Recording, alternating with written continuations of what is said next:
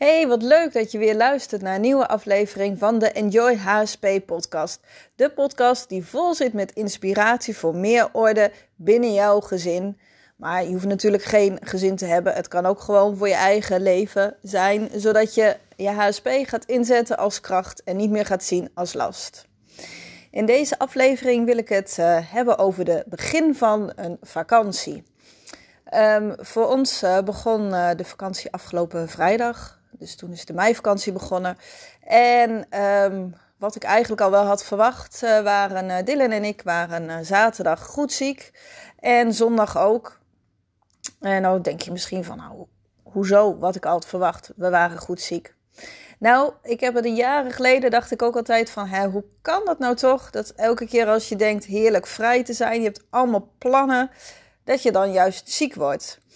Nou, dat heeft er voornamelijk mee te maken dat je tot ontspanning komt. Je komt uh, je, na de, in de vakantie juist heerlijk tot ontspanning.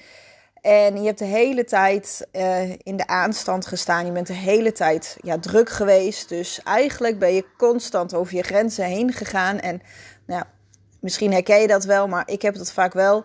Uh, dat het dan op het werk net voor de vakantie allemaal even wat drukker is. Want je wilt dit nog even afmaken. Je wilt dat nog even afmaken. En dat je elke keer, uh, nou ja, dus eigenlijk best wel druk bent vlak voor een vakantie. Nou, en ik had heel vaak zoiets van, ja, waarom neem ik dan eigenlijk vakantie? Want ik ben drukker voor de vakantie en na de vakantie dan als ik geen vakantie heb.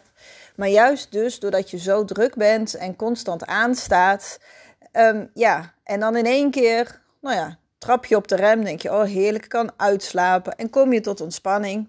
En het gevolg is dat je ziek bent. En ziek uh, bedoel ik, uh, kan natuurlijk in allemaal andere verschillende vormen zijn. Um, de ene keer ben ik heel vaak gewoon ontzettend moe. En dan heb ik bijvoorbeeld op die dag heel veel dingen in de planning. Maar ja, dat komt er dan niet van. En nou ja, voordat ik wist dat ik HSP ben, um, ja, was ik altijd zwaar gefrustreerd. En dan had ik echt zoiets van, nee, ik heb dit op de planning, dus ik moet dit nu doen hoe moe ik ook ben. Uh, hallo, ik ben een jonge vrouw. Ik moet gewoon alles doen. Een ander doet het ook, dus hup, door. En um, nou, dat heb ik eigenlijk jaren zo volgehouden. En dit is een van de eerste vakanties waarvan ik zoiets had van... ik hou er rekening mee dat ik ziek word. Want ik weet toch dat het waarschijnlijk gaat gebeuren. Dus laat ik niet zoveel op de planning hebben staan. En um, als het of zo moest zijn, had ik ook echt nu uh, echt dat ik me goed ziek voelde. Ik, uh, nou, ik was uh, nergens vooruit te branden. Ik had ontzettende migraine. Nou ja, het leek wel alsof mijn hoofd was vastgemetseld op mijn lijf. Want ik kon echt nou ja, nauwelijks een bewegen. Of het bonkte al. Um, als ik buiten kwam, ik kon het geluid in het buiten niet eens verdragen. Ik had een zonnebril op. Ik had mijn handschoenen nog aan. Nou, is het ook een beetje koud voor de tijd van het jaar. Dus ja, je kan handschoenen aan, maar het had ook niet gehoeven. Dus uh, het was wel uh, een heel bijzonder gezicht toen ik eventjes naar buiten ging om naar mijn ouders toe te gaan. samen met Dylan, want die ging daar nog even spelen, want dat vond hij heerlijk. En um, Dylan was ook een beetje ziek. En het was niet zo heel erg ziek, maar meer dat je gewoon merkte dat hij ontzettend moe was. Nergens zin in, in had. Een heel kort lontje. Um, nou, bij, haar, bij hem was het nu heel erg dat hij uh, veel had over uh, echt een zere buik. Maar dat had hij eigenlijk al wel. Um, het weekend ervoor begon het al. Dat hij op vrijdag eigenlijk uit school kwam uh, om 12 uur. en dat we een broodje hadden gegeten. En dat hij toen nou, eigenlijk helemaal dubbel lag van de kramp in zijn buik. En dat ik wel wist van oké, jij bent ontzettend overprikkeld.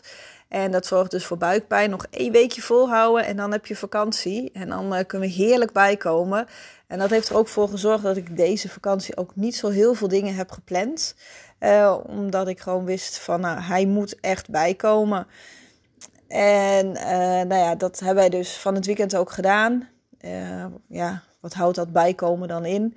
Um, nou, dat je eigenlijk de boel, de boel laat en kijkt van wat is wel mogelijk en wat is niet mogelijk. Um, ja, zo kan je er bijvoorbeeld heel veel van vinden dat bijvoorbeeld Dylan um, niet uh, zijn kleren aan wou. Ik was al lang blij dat hij in ieder geval zijn pyjama uitdeed en uh, schoon ondergoed aantrok.